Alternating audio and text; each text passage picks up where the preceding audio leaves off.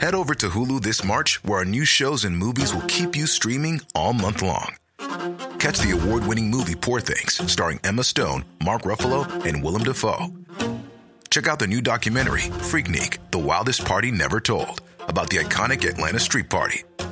And don't miss FX's Shogun, a reimagining of the epic tale, starring Anna Sawai. So, what are you waiting for? Go stream something new on Hulu.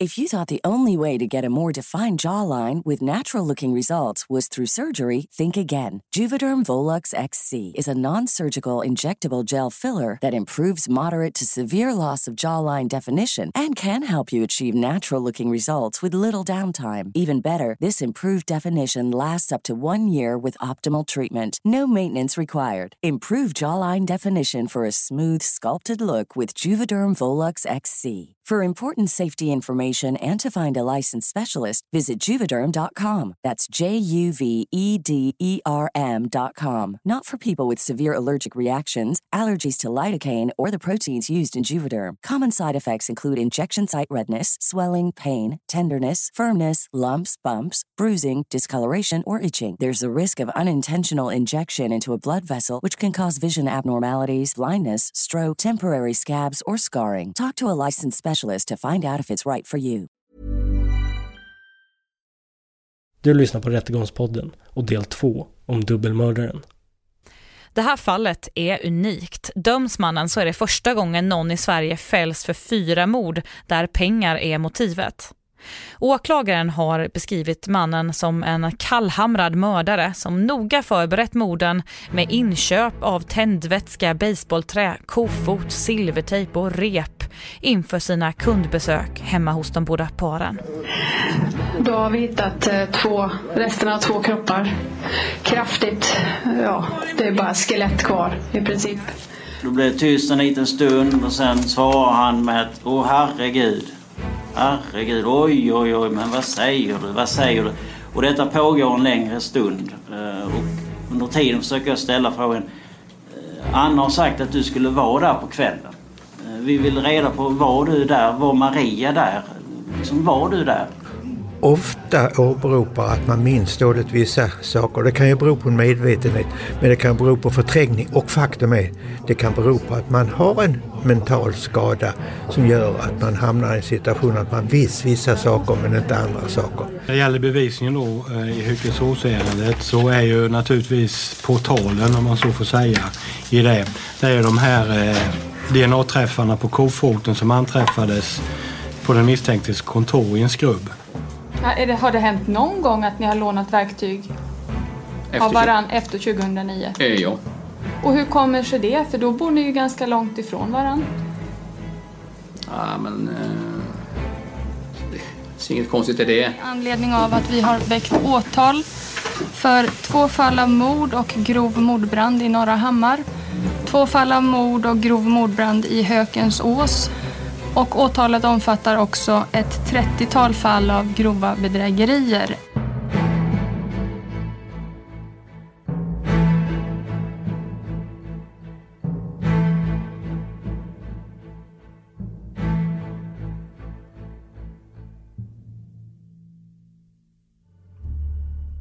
Soran Radovanovic står alltså åtalad för ett dubbelmord och mordbrand i Norra Hammar.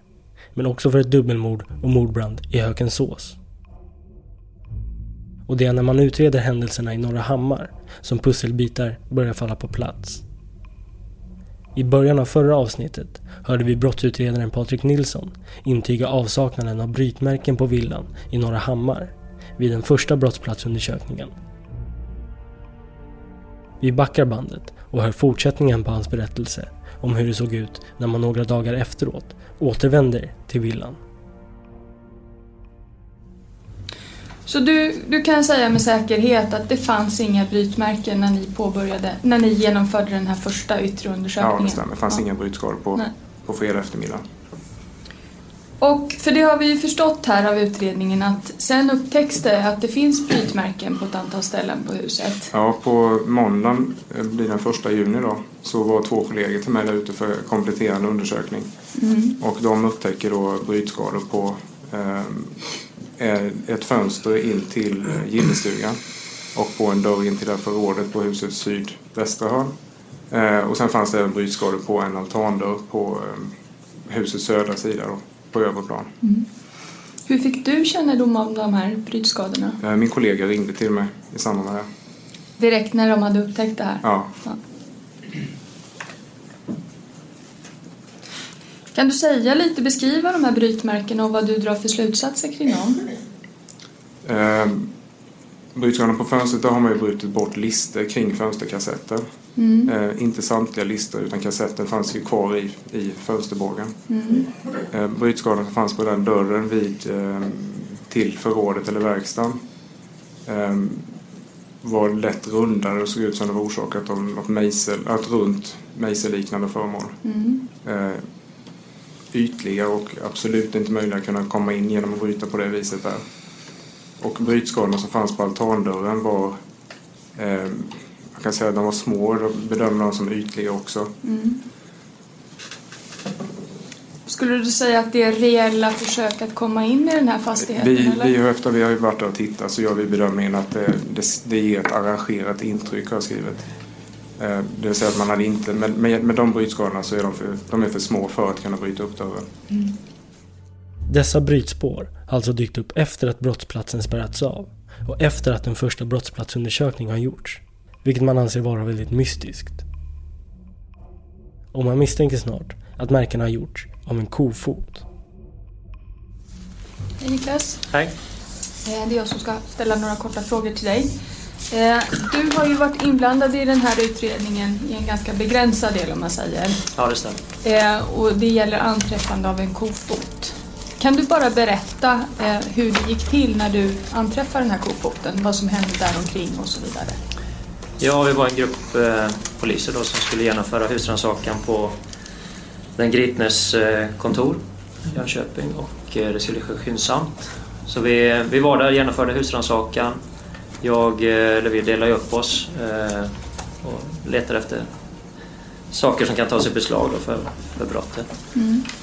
Och i det läget så hade inte jag någon kännedom om, om eh, att det kunde vara aktuellt med någon kofot men jag hade ansvaret för kopieringsrummet som jag kallade det då. Mm. Och eh, ja, så vi tar med oss saker och eh, återsamlar senare på polishuset. Och där framkommer att det ska finnas brytmärken då på den här uh, bostaden i Norra Hammar. Och eh, då tänker jag ju på den kofoten som jag har sett inne på kopieringsrummet för, på kontoret. Och eh, nämner då detta. Och eh, då anses det intressant så att vi eh, ja, åker tillbaks till kontoret och tar den här eh, kofoten då i beslag. Mm. Och den här kofoten kommer att få stor vikt i utredningen gällande branden i Hökensås som skedde nära tre månader innan branden i Norra Hammar. Denna gång brinner huset upp helt och hållet och likaså det äldre paret, paret Perssons, som befann sig i huset.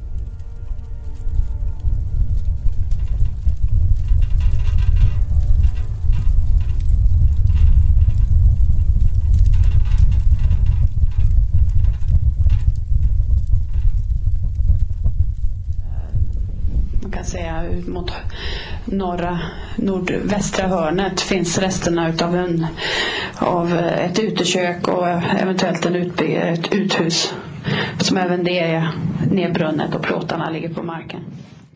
Brandutredaren Caroline Brodén är en av de första på plats och vi hör hennes inspelade rapporteringar om vad det är hon ser. Då har vi hittat eh, två, resterna av två kroppar. Kraftigt, ja, det är bara skelett kvar i princip.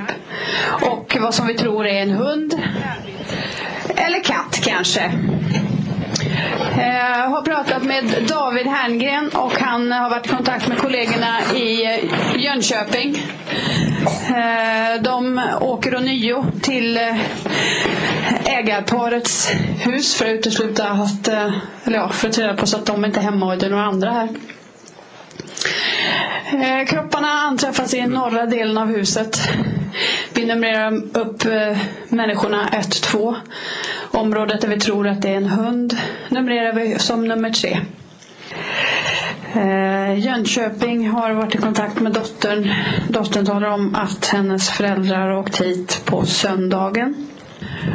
Eh, under tiden vi är här så kommer elfirm, eller elverket Tidaholm hit på grund av att de inte får kontakt med mätaren.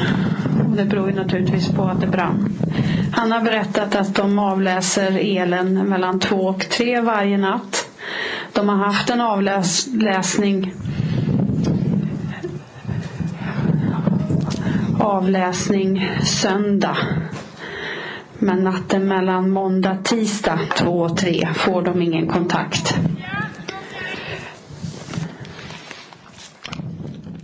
Man kan alltså slå fast datumet för branden till den 9 mars. Men på grund av att huset är helt uppbränt kan man då inte styrka att något brott har begåtts och branden avskrivs som en olycka. Men personen som förvaltade parets pengar var en Soran Radovanovic. Kan du berätta vad du då har hört muntligen från din mamma? Det hon muntligen har sagt är att eh, de har låtit Soran förvalta pengar åt dem och att, eh, det kanske vi kommer in på senare, men när de har försökt få ut så har det alltid varit lite krångligt. Ja, det har varit svårt att få, få ut dem. Eh, Hur vet du det? För det har mamma sagt. Och jag har ett exempel som är, ja, som är väldigt tydligt. Det var när två år sedan jag och min sambo ville köpa en lägenhet och jag ville låna pengar av mamma och pappa. För jag visste ju att de hade tillgångar. Och eh, det ville de gärna ställa upp med. Eh, och det skulle inte vara några problem initialt. Eh, då syftade jag på att de skulle ta hem de här pengarna som sådan förvaltare. Eh, och sen så märkte jag ju, ju närmare liksom, det var väl något tillfälle vi behövde dem för att kunna mm. köpa lägenheten. Så märkte jag att det blev svårare och svårare. Och så var, pratade jag med mamma om att hon ringde mig och sa nej men det gick inte, det var något datum som hade missats. Och I mina öron svepskäl för att inte kunna betala ut det. Men det var ju det gick inte att få ut pengarna helt plötsligt för då var det helt plötsligt ett datum som hade passerat. Och vem, vem skulle eh, få ut pengarna då? Eller hur, Sådan. Hur vet du att, att han var inblandad? För det sa ju mamma. Hon sa det? Ja. Hon nämnde? Uh, ja. Okej, okay, ja. Vad visste du om, om Sorans uh, relation till dina föräldrar? Som jag sa tidigare, tidigare grannar. Och att jag tror under den tiden de bodde i Bankeryd blev det en form av affärsmässig relation också. Att det skulle röra sig om en olycka förbryllade parets barn redan från början. Våra föräldrar var väldigt noggranna med allt. Och särskilt när det gäller just brand, är någonting som min pappa alltid har varit orolig för. Han har alltid varit väldigt noga med att elinstallationerna ska göras ordentligt och noga med att inte ljus ska vara på. Och eh, han har påtalat det flera gånger just att det här med elektriciteten var det viktigaste i renoveringsarbetet, att det mm. skulle vara i sin ordning då. Vi hör parets dotter, som i rättssalen ger ett samlat intryck. Hon har sedan bortgången av sina föräldrar gått i krishantering och mår fortfarande psykiskt väldigt dåligt. Eh, mina föräldrar har åkt hit ut för första gången efter, ja, efter julen och, och en sjukdomsperiod. Alla hade varit väldigt sjuka så det var första gången de var där för att titta till det efter julhelgerna. Och då beslutade vi att vi skulle åka dit och fika med dem. Och jag tror att vi kom dit runt två, halv tre tiden någonting. Och vi fikade tillsammans. Hur länge stannade ni? till runt femtiden skulle jag tro. Mm. Vår son har behov av medicin på fasta tider och det hade vi inte med oss. Därav vet jag att vi behövde komma iväg. Jag skulle tro senast vid femtiden. Var det du, för jag förstod, du var ju den sista som hade kontakt med din mamma och du har också lämnat en uppgift eh, om någon WhatsApp-konversation mm. där. Mm. Kan du bara berätta helt kort när den ägde rum och, och vad som sades där? Ja. Det var på måndagen. Jag tror det inleddes med att vi hade en konversation och att jag ville ta kontakt men då så sa hon vi kan väl höras senare. Soran kommer mellan 8 och 9 så kan vi höras efter det. Mm. Och då frågade jag kan vi höras nu? Mm. Varvid jag sen direkt ringer upp mamma. Mm. Och det var runt sextiden, det är jag säker på. Mm. Vi har ju det, det finns på sidan 368 i förundersökningen eh, en WhatsApp-konversation då det står det i texten så här, vi kan höras lite senare, Soran kommer vid åtta, halv nio. Så det får bli efter det. Det är det, den konversationen som Mm. du tänker på. Ja. Och inte nog med att Soran förvaltade parets pengar. Han hade även ett inbokat möte med paret kvällen den 9 mars då huset brann ner och makarna brann inne. Detta börjar syskonen emellan såklart att reflektera över. Vad jag förstår så det var ju Karl som ringde till Soran bara ett par dagar efter den här händelsen. Hade du, eh, och berättade då vad som hade hänt. Hade du pratat med Karl om att eh, Soran skulle kommit dit på kvällen? Ja. ja. Vad hade du sagt till Karl? Jag återberättade det som jag visste, att mamma hade skickat det här meddelandet. Mm. Eh, och att han skulle ha varit där vid den tiden och därmed också varit förmodligen en av de sista som såg dem i livet. Mm. Och det är brodern Karl som tar på sig att ringa upp Soran och meddela honom om att paret Perssons har gått bort. Ganska kort efter detta, vid lunchtid skulle jag tro. Uh, ringer upp närstående telefonsvarare, talar in på telefonsvararen vem jag är uh, och vad ärendet gäller. Uh, och sen dröjer det kanske möjligtvis en halvtimme, något sånt där. Sen ringer han upp, presenterar sig. Uh, och jag presenterar mig och berättar vad som har hänt. Eh, kort. Och eh, då blev det tyst en liten stund och sen svarar han med att Åh herregud. Herregud, oj oj oj, men vad säger du, vad säger du? Och detta pågår en längre stund. Eh, och under tiden försöker jag ställa frågan eh, Anna har sagt att du skulle vara där på kvällen. Eh, vi vill reda på, var du där? Var Maria där? Liksom, var du där? Och den här frågan får jag repetera kanske tre gånger eh, under tiden då. Oh, vad säger du, vad säger du? Eh, och till slut så får jag som svar att eh, nej, nej, jag är i Stockholm. Jag är i Stockholm. Jaha, så du har inte varit? Nej, jag har varit i Stockholm hela tiden. Och jag är mån också om att det här är, jag har precis fått det här beskedet. Jag har ingen lust att vi har andra i, vad ska man säga, i turordningen som, jag vill, som vi vill prata med så att säga. Så jag vill bara få den informationen så snabbt som möjligt.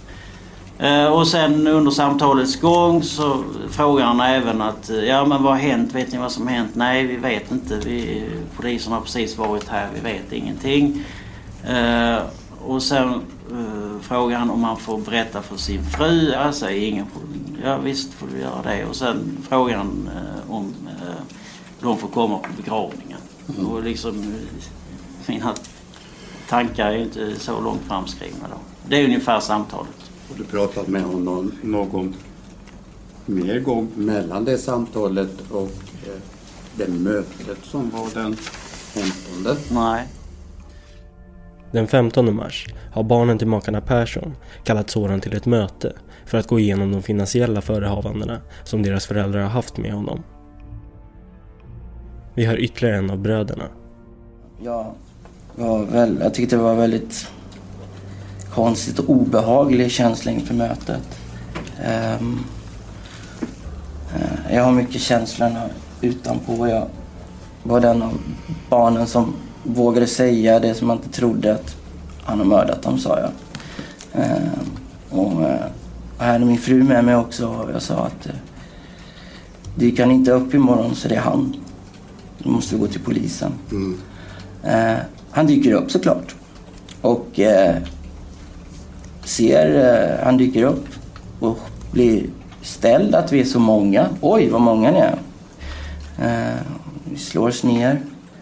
Han är rätt eh, skakig eller ja, ska man säga. Han eh, framhåller och ut, har långa utlägg om, om, om att eh, han ska komma på begravningen och, och, och sådär. Och, eh, och så hade jag försökt förbereda mig med några punktfrågor om jag skulle vilja ha svar på. Ja, vad var det för punkter du hade förberett? På? Eh, var, ehm, varför, varför, var, varför, och, eller varför dök det inte upp i Hökensås som utsatt eller sagt? Um, han var också intresserad av vad var det för eh, vad var det för pengar när förvaltat? Vad var det för investeringsplan? Vad, var det i fonder eller ja. Mm. Men det blev inte så, för jag har ju lyssnat på det här. Det verkar som att det blev, det blev inte så utan det var han som förklarade. Det är väl rätt uppfattat? Ja, utan det gör han ju. Det minns jag ju. Och ju mer mötet går så mer betryggande blir man och, mm. Och, och, känner sig lugnare och, och, och ja. Och han kommer med förslag hur vi ska göra och hit och dit och det här fixar vi och hit och dit och ja. Så att... Eh... Men jag antar att eh, han hade eh, med sig, eh, eller hade han någonting med sig? Ja, det har vi pratat om alla syskon efteråt också. Att han hade ju med sig en portfölj. Mm. En sån där klassisk portfölj. Mm. Eh, han tar med sig den in och så lägger han den på vid sin stol.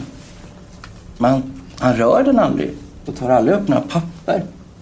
Och eh, i skräcken som man kan spekulera för att man, vad som har hänt så var vi så här. Om vi slått tanken, vad, vad hade han i den? Jaha. Um, Men hade han inga papper framme menar du? Nej, utan det är en känsla också att han, han väntar ju och vill höra vad vi, vi har att, att säga.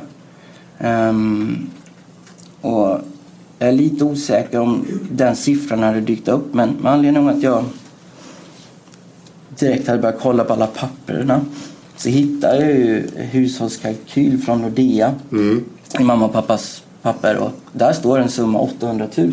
Hade du hittat den summan före det här mötet? Före mötet, ja. Är du säker på det? Ja. ja. Men du, du, nämnde ingenting om det, att jag har minsann hittat en, en, summa här och vad säger du om det? Vi, jag tror jag försökte i mitt huvud vara lite ja. strategiskt mm. att uh, försöka invänta och höra vad Soran säger om vad det är för summa. Mm. Kan man säga att han pratar om er? Det har varit en jobbig sak att bearbeta att han var duktig på att prata om oss och att man... Eh, ja. Men det vill säga att vad han gör, det enda han tar mm. fram under det här mötet så tar fram en, någon liten lapp så här som man sitter och tittar på och så säger han eh, lite siffror och sånt där. Mm. Det minns jag. Man tyckte det var lite olustigt eller? Och Soran börjar nu betala ut pengar till paret Perssons barn. Trots att de egentligen inte bett om att få någonting. Så vem, vem är, vems är initiativet till att pengar betalas ut? Det är ju Soran. Det är Soran? Ja. Det skulle komma till mig men det gjorde inte det enligt utsatt tid. Eh, och jag själv blev så här, jag drog mig för jag bara, åh vänta nu. Så bestämde mig ändå för att ringa upp, upp veckan efter och sådär. Vi är inne i maj nu. Mm. Och ähm, äh, jag ringer Soran, han svarar. Han är på en fotbollsträning. Ähm, ja, ja, och så säger jag, för jag vill ringa och höra om tidsplanen och sånt där. Och, för då har jag börjat med arvsskifte och papper och dödsboet. Och, Uh, ja, ja, och då, då får jag något svar att uh, ja, det är svårt att... Uh, jag jagar en depåägare som, som, som ska... Jag får inte tag på honom, men jag jagar en depåägare och, och sådär. Och, jaha, och sådär. Och någonstans under det här samtalet så det är som att jag trycker på en knapp. Och han bara brusar upp och blir... det blir väldigt obehagligt. Och jag bara, vad hände här? Och bara, han bara vad har ni för papper? Vad har ni för papper? Och jag sa, papper? Ja, vi har sagt att vi har, det vi har det är den här Nordea hushållskalkylen och där uppges en summa på 800 och vi har inte eh, några andra papper eller så här. Så att, eh, ja. Det är de kontakterna du har haft. Men så som jag förstår det, ni har inte bett om i och för sig eller krävt att några pengar skulle betalas ut så här snabbt? Nej, utan eh, jag ringde främst bara för att höra om en, en tidsplan eller hur gången skulle bli utöver. Varför får ni pengar? Um, ja, för, ja, jag tror för att, för att lugna oss. Soran betalar totalt ut 320 000 kronor till barnen inom loppet av ett par månader. Och troligtvis vill han ge sken av att det här är paret Perssons pengar som de investerat hos Soran. Men det här är varken Perssons eller Sorans egna pengar. För några sådana har han vid den här tidpunkten egentligen inte. Soran är nämligen en bedragare som vilseleder personer att investera pengar i aktier men som han egentligen tar för egen vinning. För Soran är delägare i Vestigo Kapitalförvaltning AB som hjälper kunder att investera pengar i aktier och andra värdepapper. Under tiden den 7 februari 2012 till den 29 maj 2015 har han vid 36 tillfällen förmått 17 kunder till Vestigo att till hans privata konton betala in belopp som sträcker sig över 5,5 miljoner kronor. Dessa inbetalningar har alltså inte gått via Vestigo utan landat direkt på hans privata konton. Eh, och det, det, det är det här du har kommit fram till. Mm. Och din, din slutsats här, den står eh, på sista sidan i den här finansiella analysen. Det är att Sorans eh, lön och andra skattefria inkomster, de är inte tillräckliga för att finansiera hans levnadskostnader och konsumtion. Nej, han har ju vida överstigit eh, sina legala inkomster med de utgifter han har. Mm. Då har jag inga fler frågor. Ungefär två miljoner av dessa pengar har han använt till att köpa aktier åt sig själv i diverse bolag inom skogsindustrin. Men de resterande 3,5 miljoner kronorna har gått till att fortsatt kunna finansiera den dyra livsstil han lagt på sig. Från tiden då bolaget Vestigo gick bra och han faktiskt tjänade egna pengar. Under våren 2015 är det kartlagt att hans privata ekonomi är mycket ansträngd och att han länge levt långt över sina tillgångar. Han har inte längre några pengar att täcka upp med när hans kunder vill ha utdelning för sina investeringar. Den 9 mars har paret Perssons i Hökensås kallat Soran till ett möte gällande sina investeringar.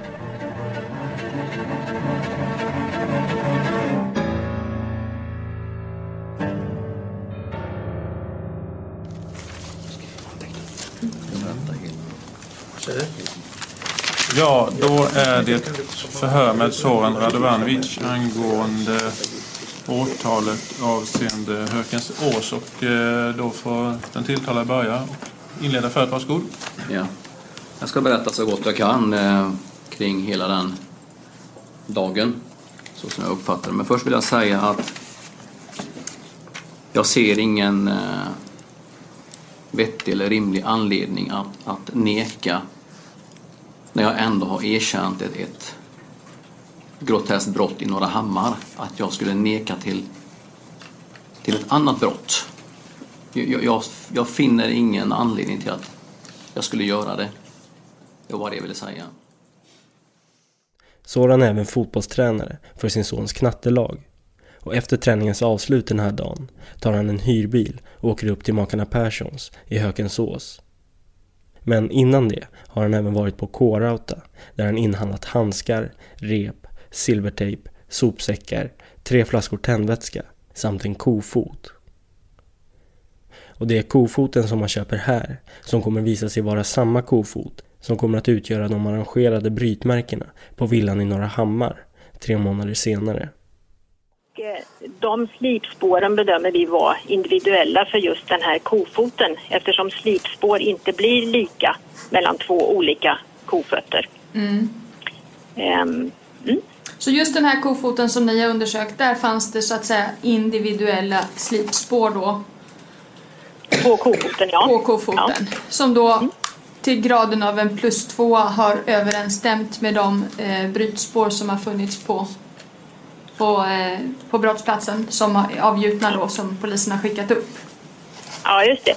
I de här spåren så ser vi delar av de här slipspåren.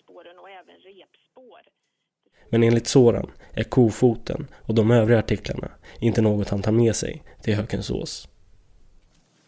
Jag kommer fram så, så det enda som Det enda som jag tar med mig in i stugan det är min, min egen dator, ingenting annat.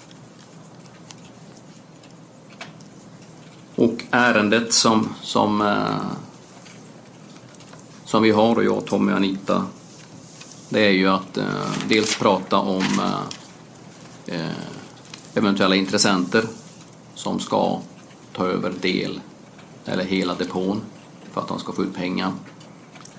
Eh, dels så är det ju eh, omläggning av placeringar.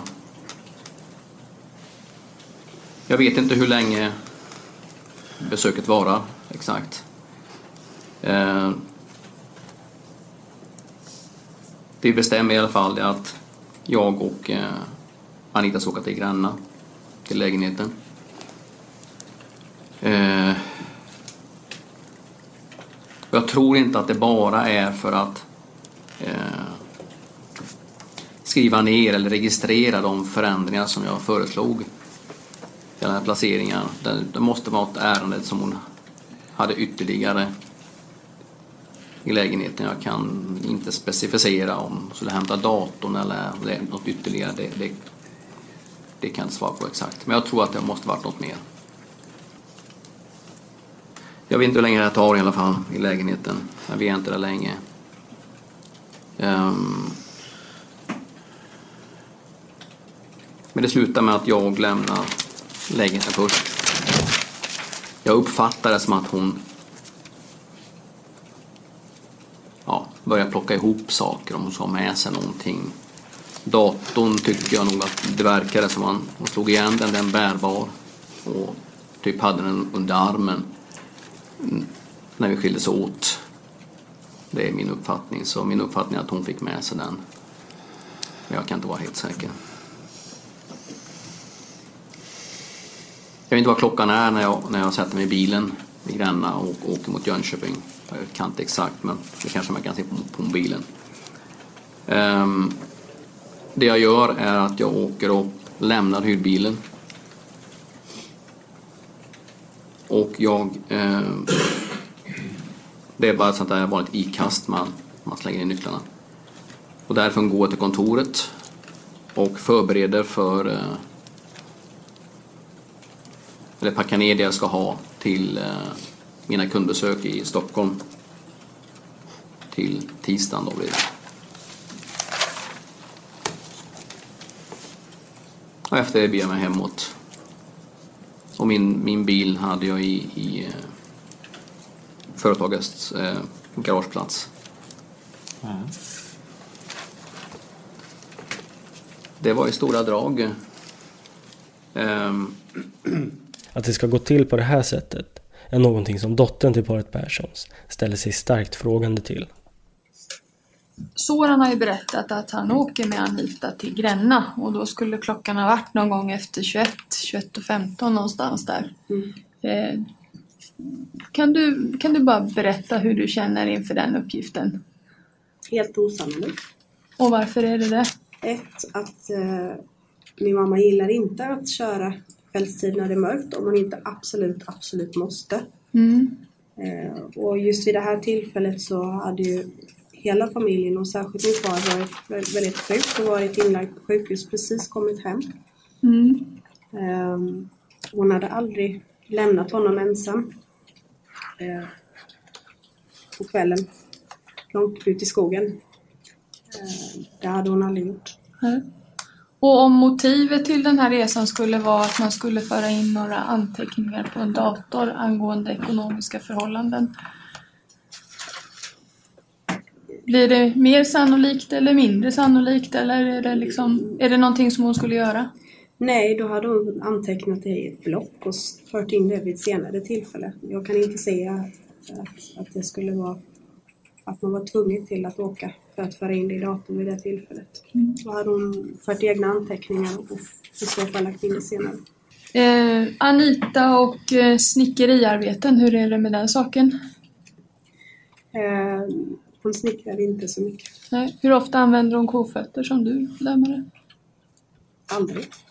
Du har aldrig sett henne använda en kofot? Nej, jag har aldrig sett en kofot hemma hos oss eller hos mina föräldrar, rättare sagt någon gång.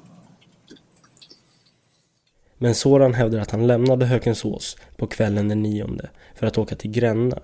Då tillsammans med Anita som åkte dit i sin egna bil. Orsaken till att de åkte till Gränna är rätt oklar och enligt dottern är ju resan väldigt osannolik överlag. Men senare den kvällen så brinner både Tommy och Anita upp och blir så pass brända att enbart skelettdelar finns kvar. Det är vittnesför med Ulf Jonsson. Varsågod åklagaren. Ja, tack. Ja, det gäller helt enkelt ett förtydligande av ett eh, yttrande. Du har fått en fråga och du har svarat på den den 5 augusti 2015. Eller rättare sagt två frågor. Och det gällde eh, om man på, på eh, makarna Persson kunde konstatera några andra skador än brännskador.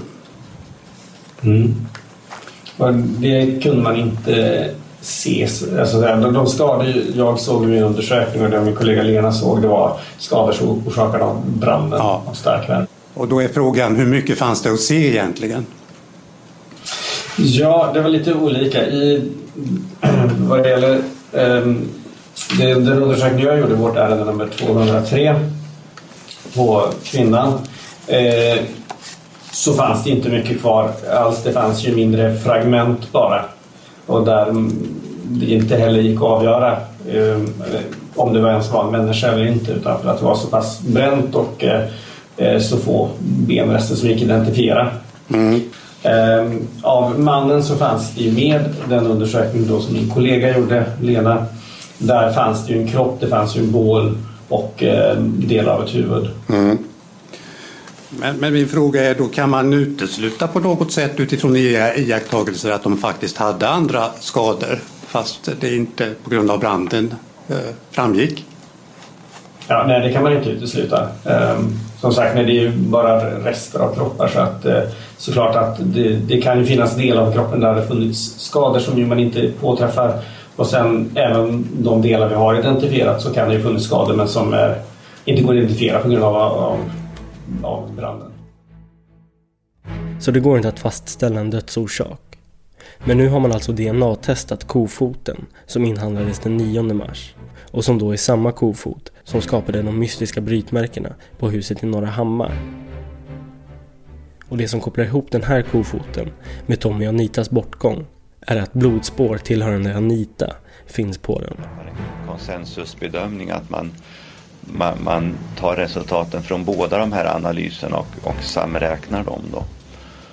Och, och i det fallet så, så, eh, när man gör det så, så, kommer man till en grad plus tre istället och att, att man ser att för, att för att träffa den här, de här genetiska delarna vi nu har sett eh, så har det blivit så ovanligt att träffa det så att vi kan säga en grad plus tre då. Mm. så den analys och Anitas blod finns även på en sportbag som också tillhör Soran. Vi återkommer till Sorans förklaringar till det här om ett tag. Men först vill åklagaren veta mer om Sorans kontakter med makarna Perssons barn. Då har jag en första fråga till dig, eh, Soran.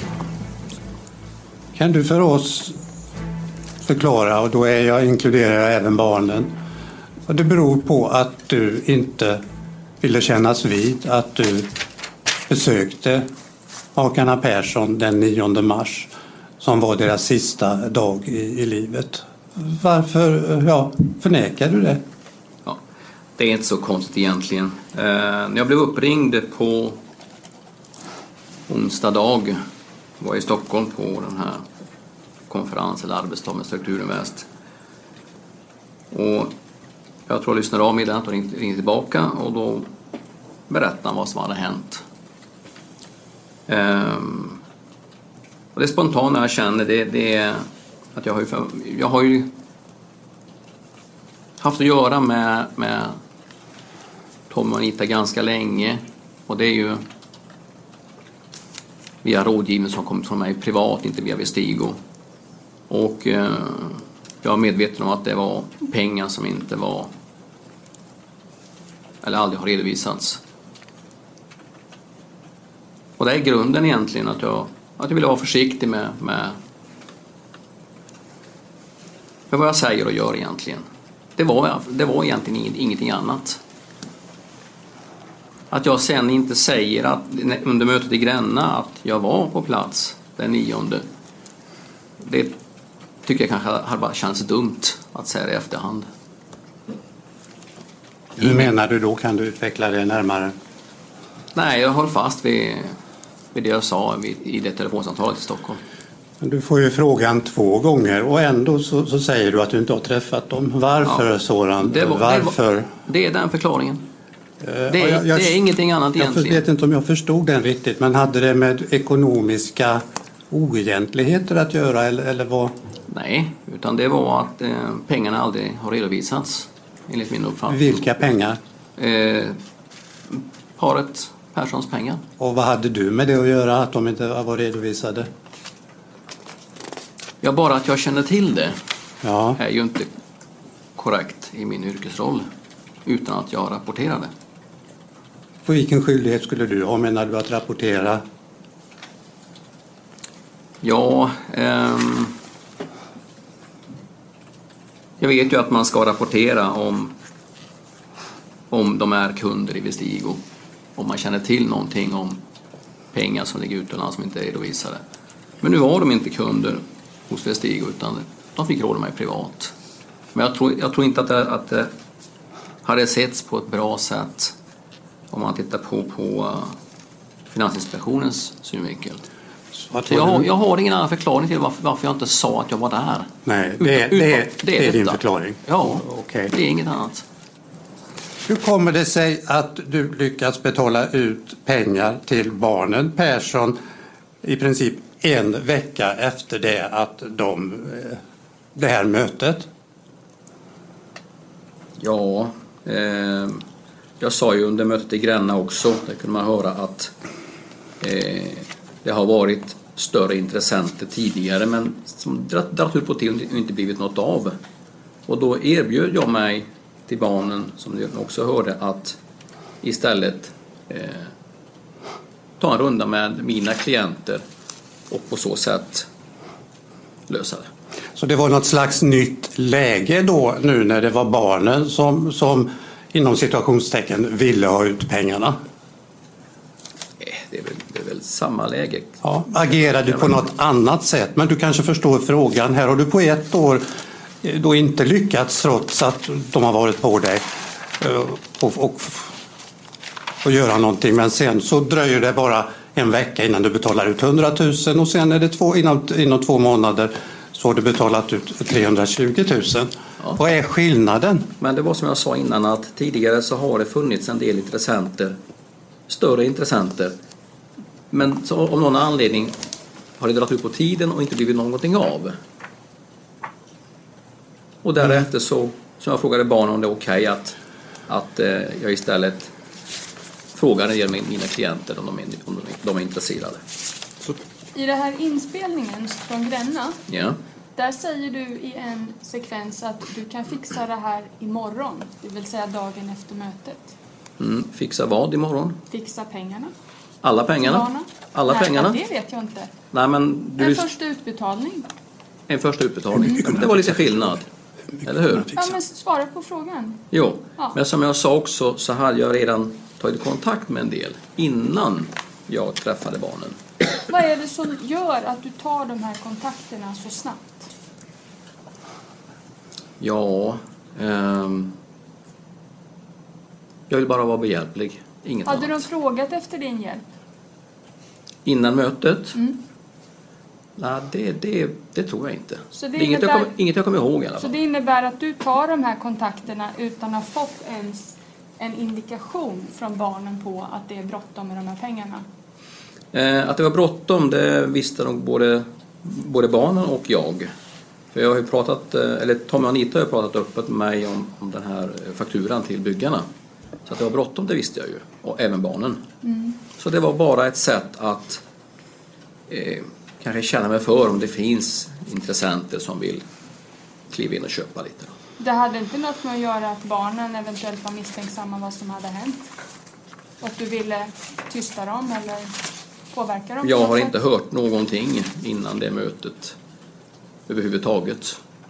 Något kring sånt som du säger nu. Vad uppfattade du att det akuta behovet av pengarna var för barnen?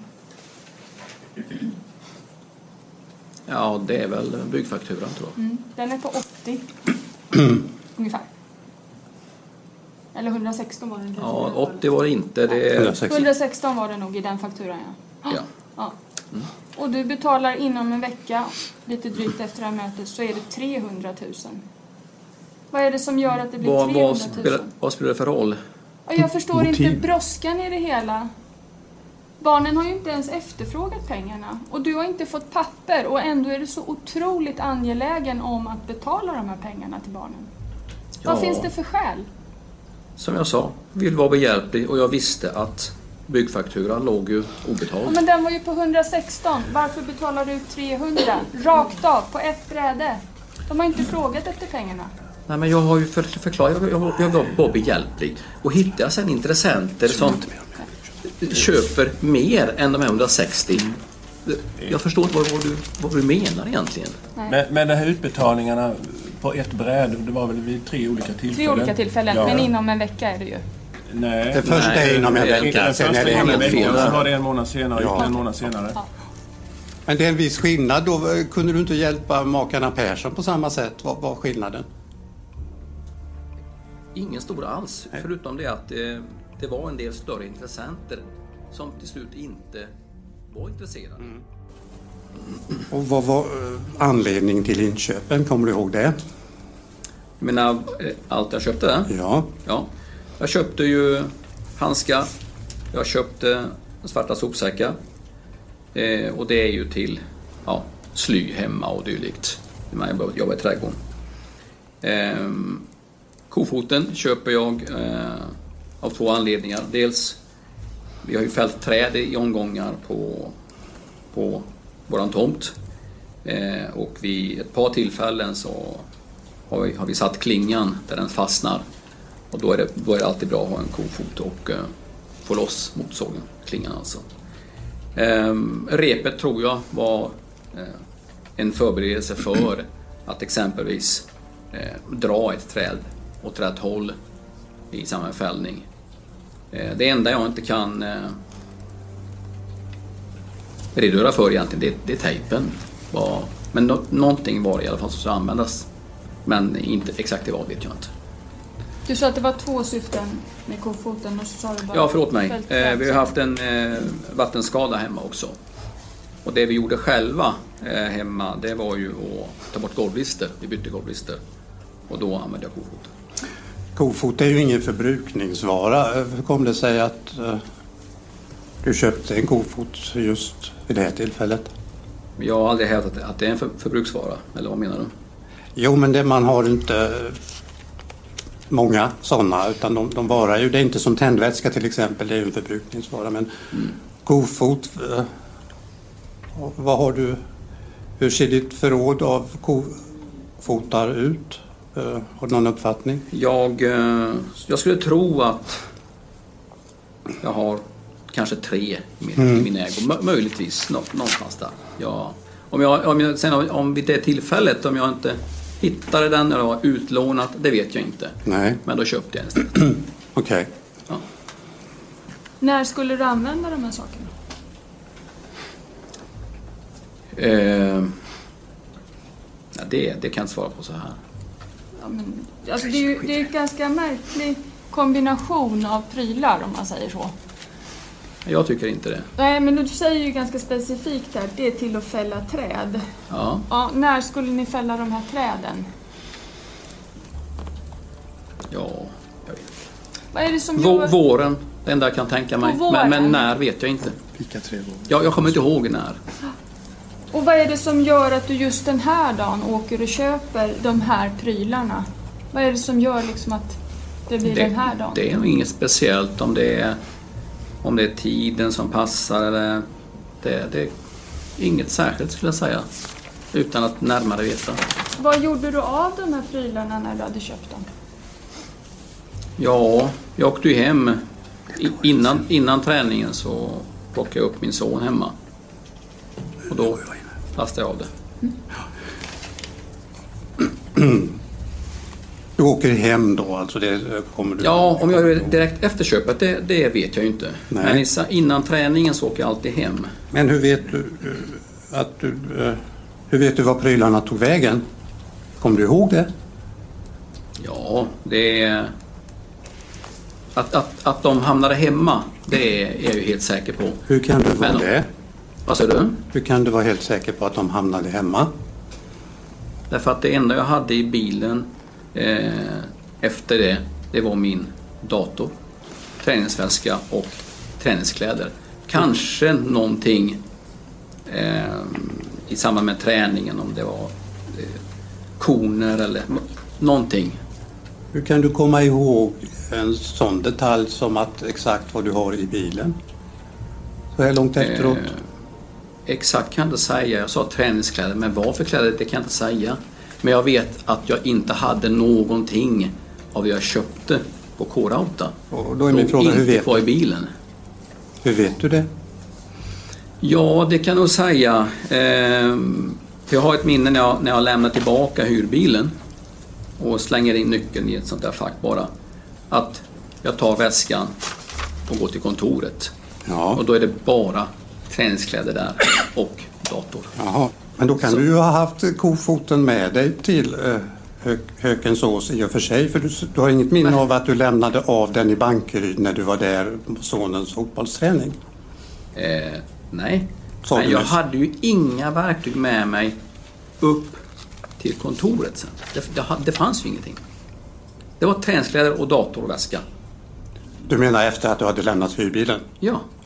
Hur vet du eh, att, eh, att det var på det sättet? Hur kom- kommer du ihåg det?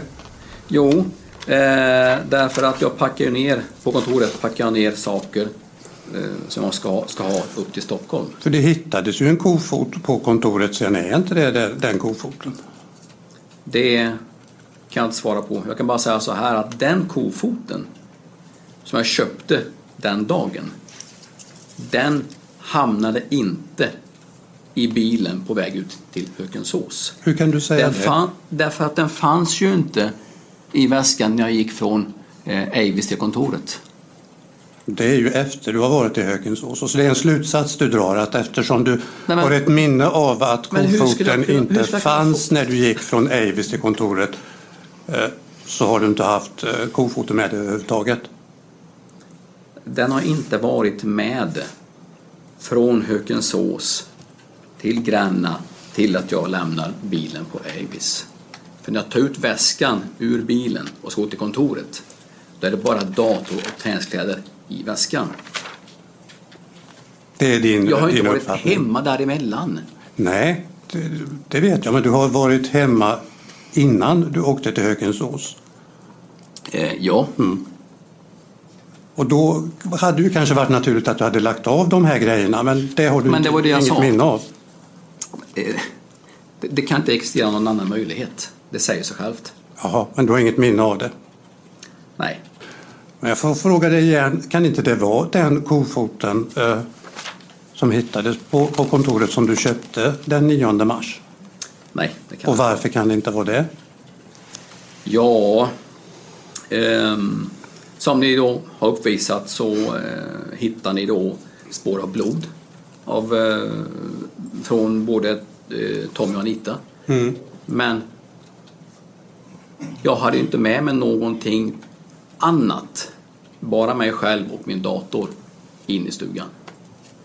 Okej, så att eftersom det finns blod från Tommy och Anita på kofoten som hittades på ditt kontor så kan det inte vara den kofoten som du köpte den 9 mars? Helt omöjligt.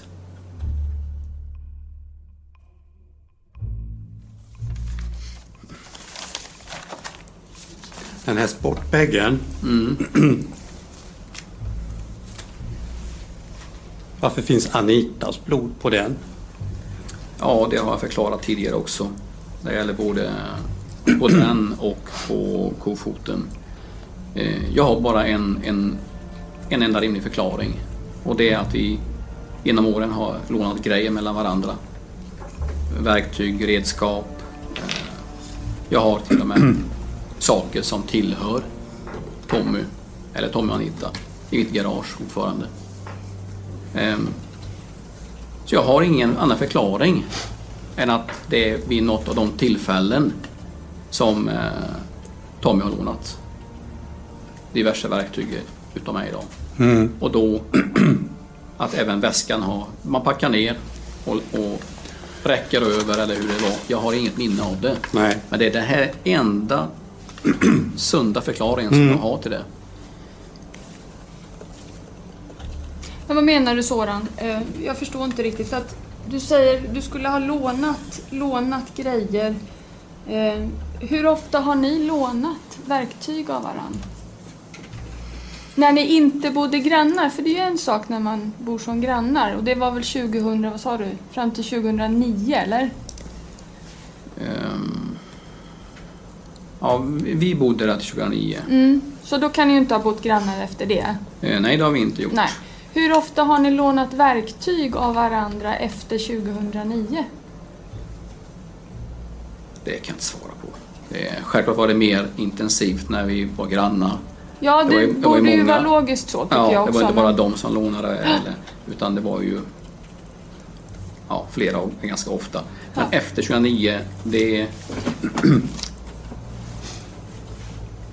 det jag inte svara på. Ja, är det, har det hänt någon gång att ni har lånat verktyg Efter av varann efter 2009? Eh, ja. Och hur kommer sig det? För då bor ni ju ganska långt ifrån varann. Ja, men eh, det är inget konstigt i det.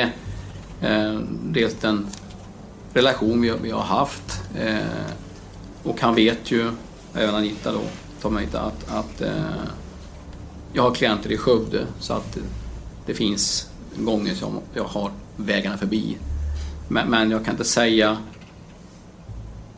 jag kan inte säga hur många gånger det har varit. Ja, är det frekvent? Vad vad sa du? Är det frekvent sa jag. Eh. Ofta? Nej, det skulle jag inte säga. Det skulle du inte säga. Nej, men jag, jag, vet, jag kan inte säga hur, hur många gånger, men ofta tror jag inte att det är. Hur ofta har du lånat ut kofötter? Ja, det är nog ganska ofta tror jag. Menar du till Tom och Anita? Eller till andra? Till Tom och Anita? Ja, nej, det vet jag inte. Det vet du inte. Nej, Har du gjort det någon gång? det tror jag säkert att jag har gjort. När? Det vet jag inte. Det vet du inte. Nej. Nej. Nej. När, du, när har du lånat ut den här väskan då? Men Det, det vet jag inte. Jag kan inte svara på det. Har det hänt ofta till Tommy och Anita? Ingen aning. Du vet inte? Nej. Nej. Hur ofta har det hänt att du har lånat ut kofoten i den här väskan? Det frågade jag också innan. Jag sa jag vet inte. Om det bara är en kofot så är det en otroligt stor väska för att lägga ner en kofot i. Mm. Men jag har inte sagt heller att, att det var ett instrument eller Nej. ett verktyg. Det, det, det, När du lånade ut den här väskan då, vad var det mer du lånade ut som låg i väskan? det sa jag också innan, det vet jag inte. Men antagligen mer än en enda sak. Jag har en fråga här nu. Jag uppfattar det som att din förklaring till att blodet sitter på kofot och väska det är att du måste ha lånat ut grejerna till Tommy och Anita. Men att du inte kommer ihåg att Ja. du faktiskt har gjort det. det. Det är så vi ska uppfatta dig. Förklaringen som du ger, det måste vara så. Annars skulle inte deras blod ha hamnat där. Det måste vara så. Och får jag bara säga en sak att eh, vid andra tillfällen så och, och, återigen If you're looking for plump lips that last, you need to know about Juvederm lip fillers. With Juvederm Volbella XC and Juvederm Ultra XC, your lip look, whether it's subtle or bold, can last up to one full year with optimal treatment and no additional maintenance. Find a licensed specialist and see if it's right for you at juvederm.com today. That's J U V E D E R M.com. Add fullness to lips in adults over 21 with Juvederm Volbella XC or Juvederm Ultra XC. Do not use if you have severe allergies or a history of severe allergic reactions, or if you're you're allergic to lidocaine or the proteins used in Juvederm. Tell your doctor if you have a history of scarring or taking medicines that decrease the body's immune response or that can prolong bleeding. Common side effects include injection site redness, swelling, pain, tenderness, firmness, lumps, bumps, bruising, discoloration, or itching. As with all fillers, there's a rare risk of unintentional injection into a blood vessel, which can cause vision abnormalities, blindness, stroke, temporary scabs, or scarring. For full important safety information, visit juvederm.com. Och Soran försöker även hitta en logisk förklaring till varför kofoten finns på just Sorans kontor när polisen hittar den. Nej, vad ska du ha kofoten till då? För den bryter man väl i så fall upp lister med? Ja. ja. Ska Jag- man slå in sa listorna att- så använder man väl en hammare eller något, eller? Jag sa att det enda som var ett problem på kontoret, det är golvbrister. Mm. Inget annat. Men kopplar du det till kofoten då, eller? Nej, jag försöker bara hitta en logisk förklaring. Ja, det kanske inte finns det. Det finns säkert, men jag, jag lämnar det där. Är det något annat som har krånglat på kontoret som du kan ha använt den här kofoten till? I kopieringsrummet så var det tidigare en trähylla från golv till tak med diverse papper och material i. Då. Och den har vi ju tagit bort, Vilka vi? ehm, eller jag. Mm. Ehm, har jag använt kofoten då? Det kan jag inte svara på. Men så på kontoret så kan det inte vara så många andra möjligheter. Har du sett den där? Att den står Kofoten? där? Ja. Det antar jag att jag har gjort. Mm. När såg du den senast? Ehm, ja, på de bilder som eh, är tagna då i, i det material som finns. Ja, inte på bilden naturligtvis, utan Jaha. i Nej, det- verkliga det- livet menar jag. Mm, det kan jag inte svara på.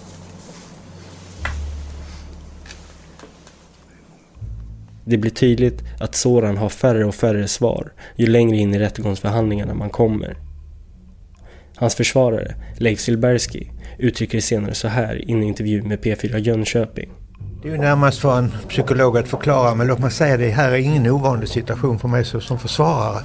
Att folk som hamnar i sådana här situationer ofta åberopar att man minns dåligt vissa saker. Det kan ju bero på en medvetenhet men det kan bero på förträngning och faktum är det kan bero på att man har en mental skada som gör att man hamnar i en situation att man visst vissa saker men inte andra saker. Vi människor fungerar ju ofta på det sättet det vi tycker är obehagligt minns vi inte helt enkelt. Det är vad man kallar förträngningsmekanismen. Men det är som sagt vad ska en psykolog bättre förklara än vad jag kan göra. Men jag kan bara återge vad jag erfarenhetsmässigt har lärt mig under 50 år. Men är det så att säga en, en linje i försvaret eller förmildrande omständigheter att han inte minns dem så att säga? Självklart inte. Han har ju tagit på sig ett av de värsta och grövsta brott vi känner till i det här landet i rättssystemet. Mord. Och inte ett mord utan två mord. Han har ju, precis som han själv säger, han har ju ingen anledning att liksom ta bort någonting medvetet. Varför skulle han göra det? Han kommer att dömas för ett mord. Och han vill, som han säger själv, så gott han kan för att få sinnesfrid ta och berätta allt vad han kan för att göra det lättare för de efterlevande. Soran kommer senare att friskförklaras vid tillfällena för de båda dödsfallen. Men det är mycket han inte har svar på. Och likaså gäller för uppgifterna om flaskorna tändvätska som han köper samma dag som huset i Hökensås brinner ner. Du, de här flaskorna som du har köpt vid eh, två tillfällen som vi vet på, ja, på Rauta, flaskor Lantman. Hur många har du köpt sammanlagt? Hur många? Ja, Under vilken period då? eh, under den här perioden som vi pratar om, det vill säga eh, 2015 framåt. Lantman. Jag har ingen aning. Nej. Är det några mer än vid de här två tillfällena? Vad sa du? Är det några mer tillfällen än vid de här eh, två som vi vet, den 9 ma- eh, mars och... eh, Ja, det är fullt möjligt, men jag, har- jag har ingen aning. Nej. Hur många flaskor brukar du köpa när du handlar? Det vet jag inte. Eh, Brukar du köpa fler än en flaska åt gången? Ja, det brukar jag göra. Men inte hur många vet jag inte. De här aktuella flaskorna Lantman, var finns de nu? Eh, det är förbrukat eh, hemma. Du har använt alla flaskorna hemma då? Ja. Till vad? Det är väl kanske en given fråga, men jag frågar det ändå. Till vad har du använt dem? Ja, det är ju att grilla. Mm. Så alla de här flaskorna har gått åt till att grilla? Ja. Så på de här månaderna, från mars till det att du greps då i början på juni, så, så har alla de här flaskorna gått åt? Definitivt. Jag tror, För att, grilla? jag tror att det är mer än de flaskorna. Du, det fanns ju också eh, andra grejer som du, du köpte på K-Rauta den 9 mars. Vad blev de grejerna av? Jag tänkte på rep och jag tänkte på tejp. Vad, vad de blev av? Ja. Vad tog de vägen? Den, den dagen, då är, min, då, är, då är ju min uppfattning att jag inte hade dem i väskan när jag lämnade bilen. Då är min uppfattning att de blev hemma. Vad tog de vägen sen? Ja, det. Hur ska svara på det? De hittades i din bil. Ja, Många av de här sakerna. Repet, eh, handskarna, tejpen. mm, Varför ligger de i bakluckan i din bil? ingen speciell anledning. För du sa att du skulle ha dem, jag tror du sa att du skulle fälla träd. Mm. Mm. Varför ligger de i din bil då? Ska du åka iväg och fälla träd eller ska du... Nej, nej. Eh, Ingen speciell anledning faktiskt. Det, det, det har jag inte. Har ni fällt träden? Vi har fällt träden, ja. När, när skedde det? Ja, får jag repetera igen då. Jag vet inte exakt. Nej. Går säkert att ta reda på. Använder du de här sakerna som du hade köpt för att fälla träden? Repet, kofoten? Nej, det, behövs inte, det behövdes inte. Nej. Det gick, det gick, eh, det gick bra. Och varför ligger det samlat i bilen då? Det kunde du inte heller svara på eller? Nej, det finns väl ingen speciell anledning att, att jag skulle kunna komma ihåg det, men det finns säkert en förklaring till det. Jag vet inte. Ja, då håller vi det, tack. Så länge. Och vi går nu tillbaka till åtalet för dubbelmordet i Norra Hammar. Då åklagarna menar att de ser ett tydligt ekonomiskt motiv till varför Soran, precis som i Hökensås, ville bli av med paret. Jag är intresserad, eftersom det är just det här datumet den 27 maj som det här händer, hur din ekonomiska situation, jag, jag tycker att det verkar som du är pressad ekonomiskt. Stämmer det? Nej, det tycker jag inte. Är det något annat du kan erinra dig, några utbetalningar du gör i, i samband med det här datumet? Det är 27 maj. Ja, eller dessförinnan?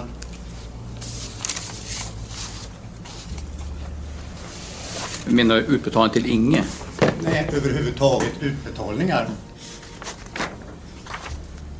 Eh, ja, det är ju utbetalningar till eh, eh, Tommy och eh, Anitas barn, Perssons. Men det har ju inte med Inge att göra. Nej, men det har med din ekonomi att göra och därmed med motivet. Det kan ju vara så att du känner dig så pressad här så att eh, det är det som gör att, eh, att, att du, så som vi påstår, planerar detta och tar livet av eh, Inge och Anita Dentler. Och då är min fråga, hur var det med utbetalningar i anslutning till eh, det här datumet? Ja, Det var det enda som jag sa nu till, till barnen Persson. Och hur mycket pengar var det? Ja, det finns ju skrivet. Ja, men jag frågar, Eh, det är ju ja, mycket det var. Strax över 300 000. Ja.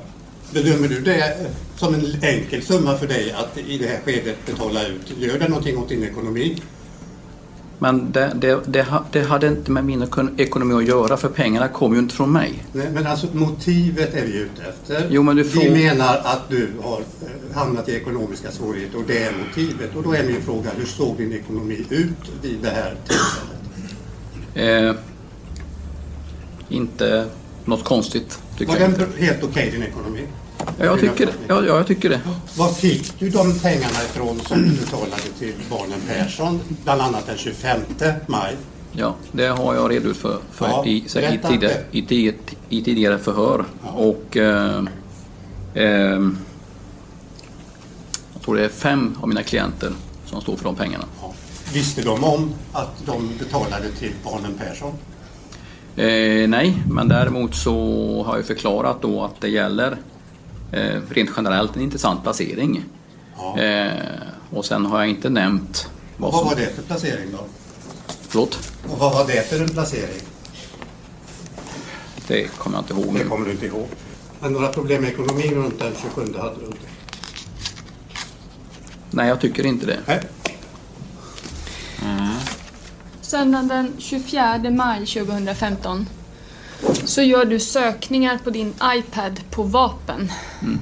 Hur kommer det sig? Som sagt tidigare, det är ingenting speciellt utan eh, ett rent intresse bara.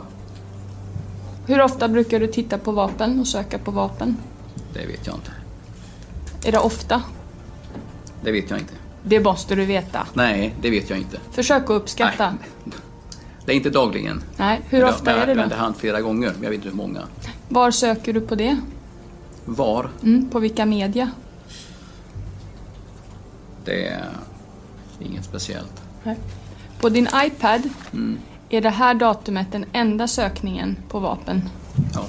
Men eh, det tror jag inte stämmer egentligen. Men spelar ingen roll. Jag har... Jag har eh, det är in- intressant med vapen. Stämmer det att du också är inne på Blocket och söker på annonser? Ja, Det kan du vitsorda. det, det tror jag är fallet, ja. Mm. Varför gör du det? Det är samma sak där. Jag har ingen, eh, eh, ingen annan förklaring. Vill man köpa ett vapen så tror jag inte att jag är mannen att klara av det. Nej. Så kan det vara. Vet du vilka datum du sökte på vapen på Blocket? Eh, nej, Det ligger i tid före Norra Hammar. eh, I nära anslutning. det är möjligt, jag vet inte. Men det kan du ju se. Mm. När man går in på en Blocket-annons och söker, då är det väl ofta för att man är intresserad av just det och köpa det. Nu har jag aldrig köpt ett vapen, jag har aldrig ägt ett heller. Nej, men Så att du eh, söker då? Varför gör du det? Ren nyfikenhet kanske, ja, jag vet inte. Men jag har inte haft eh, för avsikt att köpa mig ett vapen. Hur ofta har du skjutit med vapen? Ehm. Ja, förutom luftgevär och sånt där så, så är det ju när jag gjorde lumpen. Ja, det här är ju inte luftgevär. Nej, det var, det här på, är ju... det var svar på det är din sen, lu- fråga. sen lumpen då. Ja. Och din fas- fascination för detta med vapen, hur yttrar sig det förutom att du då en gång söker på din iPad på vapen? Nej, inget speciellt som jag kan peka på. Nej, tack. Och Soran har mellan rättegångsförhandlingarna även suttit och klurat på allt gällande kofotsinköpet och ändrar nu sina uppgifter om när han ska ha köpt den kofoten som han beslagtagit av honom. Mm. Eh, advokat Silbersky. Ja, tack. Jag har ingen direkt fråga till dig Soran, men jag vet att du vill göra ett tillrättaläggande vad gäller det du berättade i förra veckan. Mm. Eh, jag fick en fråga eh, gällande de här brytmärkena på, på dörrar eh, i Norra Hammar och eh, att det skulle komma från den kofoten eh, som är i mitt ägo att jag skulle ha varit där.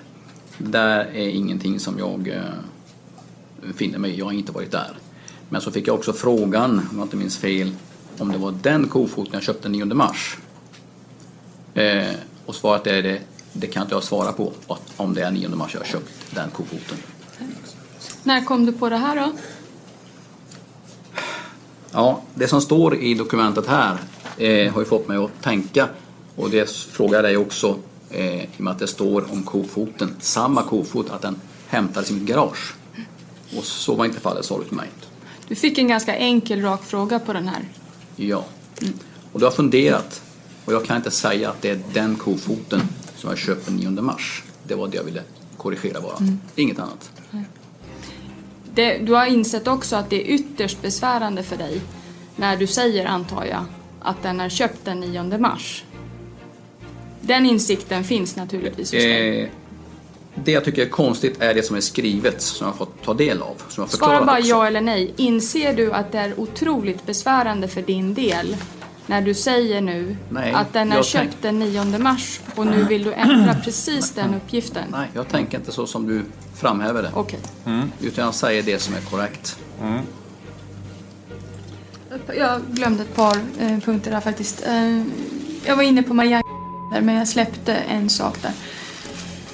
Eh, 840 000 betalar Marianne in eh, direkt till eh, Otmetka. Mm. Hon får inga aktier för de här pengarna. Nej. De skrivs i ditt namn. Ja, det har vi berört innan också. Ja. Ja, inte här och nu. Jag tror inte jag ställt de frågorna här och nu nämligen. Nej, men du drog det innan att hon då fick någonting för, för de pengarna. Mm, precis. Ja. Och sen så betalas, det var tydligen för mycket, så du har ju mailkontakt där med Bengt och så betalas det ut 340 000. Ja. Och de betalas till ditt depåkonto. Varför?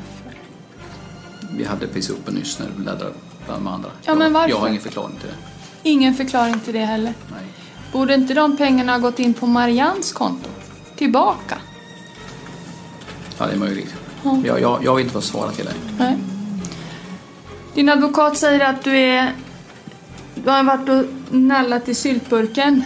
Jag skulle mer beskriva det här som att du ser dina kunder som mjölkkor. Att du tar från de här kunderna gång på gång på gång på gång. Jag skulle inte se det så, men eh, jag förstår vad du menar. Och jag... Jag vill inte dölja någonting, men eh, jag har ingen bra förklaring till dig. Vi påstår att det finns ett ekonomiskt motiv i Norra Hammar. Och vi påstår att det finns ett ekonomiskt motiv även i Hökensås. Vi påstår att du har löst de här problemen genom att faktiskt ta livet av målsägandena.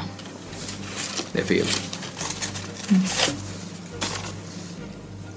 Det är därför vi påstår att din ekonomiska situation här under våren 2015 är så ansträngd så att det här blir din lösning.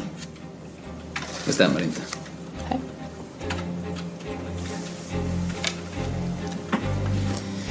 Jag stannar där.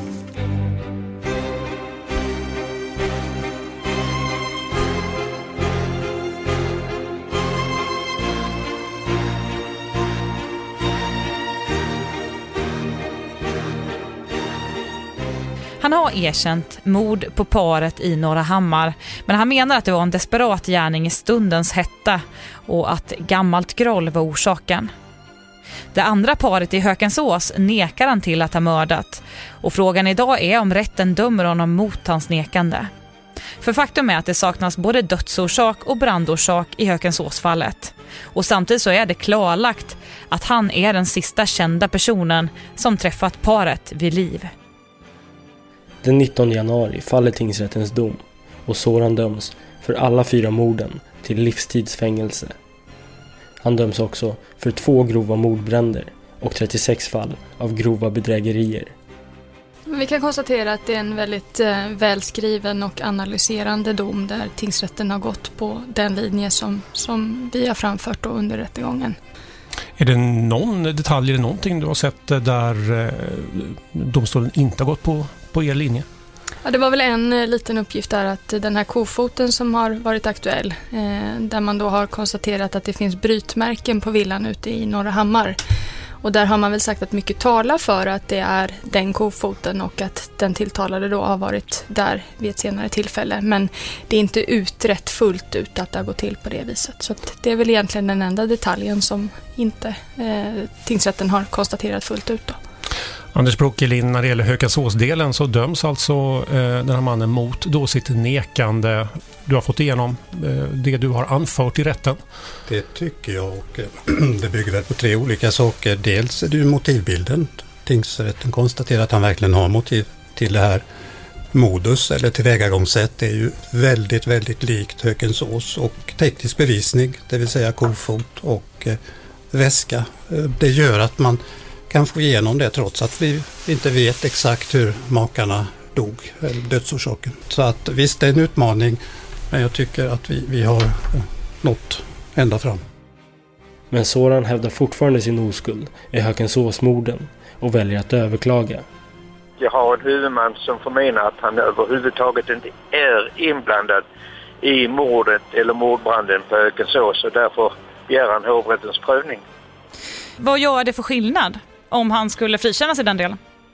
Skillnaden är tvåfaldig. Dels kan det ju komma ett ögonblick då han vill ha ett tidsbestämt straff om nu inte hovrätten ger honom ett tidsbestämt straff.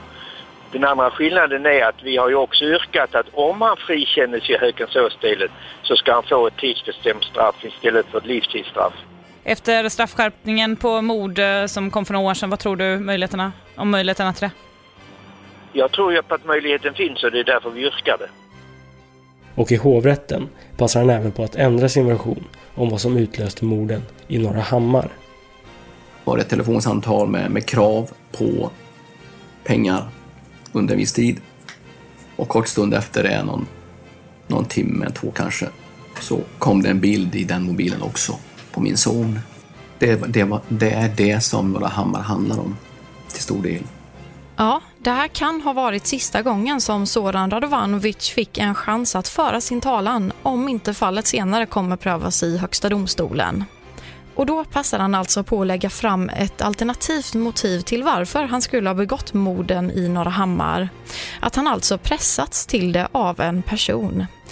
Men Sorans försvarare Leif Silbersky la själv inte så stor vikt vid hans alternativa motiv eftersom han ändå erkänt dubbelmordet i Norra Hammar. Han fick en möjlighet att anföra sina skäl och sina vad ska jag säga, motiv för varför han agerat som han har gjort och det har han gjort. Sen får vi ju se vad hovrätten lägger för värdering i det. Hovrätten lägger ingen värdering i det och gör samma bedömning som tingsrätten, att morden var planerade, liksom att det även var planerat att sätta eld på husen. Det finns stora likheter i tillvägagångssätt mellan Norra Hammar och Hökensåsfallet, skriver Göta hovrätt i ett pressmeddelande.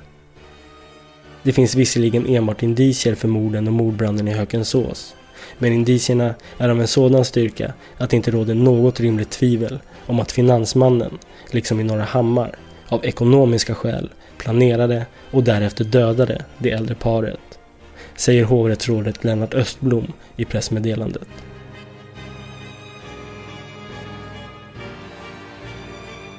Du har lyssnat på Rättegångspodden om den dubbla dubbelmördaren Soran Radovanovic.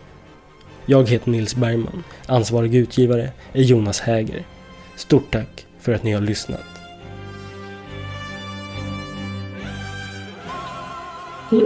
Vår son eh, som stod mormor och morfar väldigt nära har också haft väldigt svårt efteråt. Han får eh, raseriutbrott och börjar gråta okontrollerat ibland och ropar efter mormor och morfar.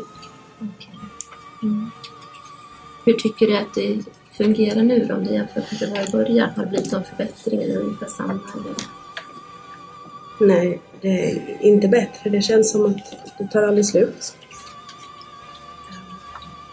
Från början var det en olycka, en fullständigt oförklarlig olycka som, som ingen kunde, kunde förstå kunde hända. Och att det skulle ta en sån här utveckling, det, det finns ju som en, finns bara på film känns det som. Mm.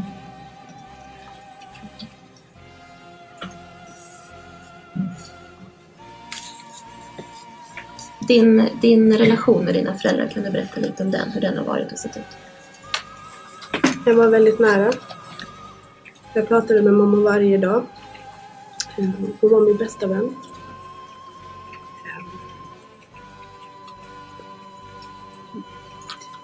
Så vi stod varandra väldigt nära och hela vår familj stod dem väldigt nära. Um, Så det är ju en otroligt påtaglig vardaglig påverkan både på mig och hela min familj. Hur ofta brukar ni träffas? Vi brukar träffas flera gånger, eller ja, minst en gång i veckan och pratas vid varje dag. Och barnen som sagt då träffade ju sin mormor och morfar regelbundet. Och ena barnet är ett hjärtbarn så mormor och morfar har varit väldigt betydelsefulla för, för honom. Och ett stort stöd för oss som familj för att klara ut det. Ja, tack. Jag, jag stannar där. Mm.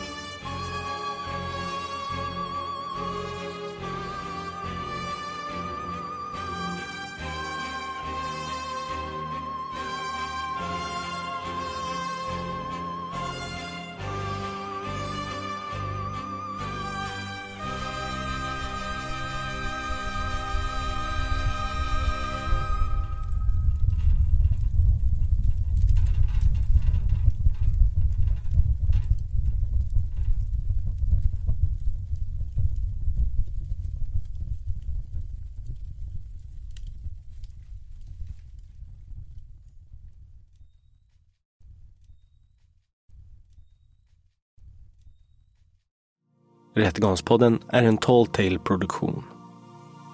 Ansvarig utgivare är Jonas Häger. Och Rättegångspodden görs i samarbete med Lexbase.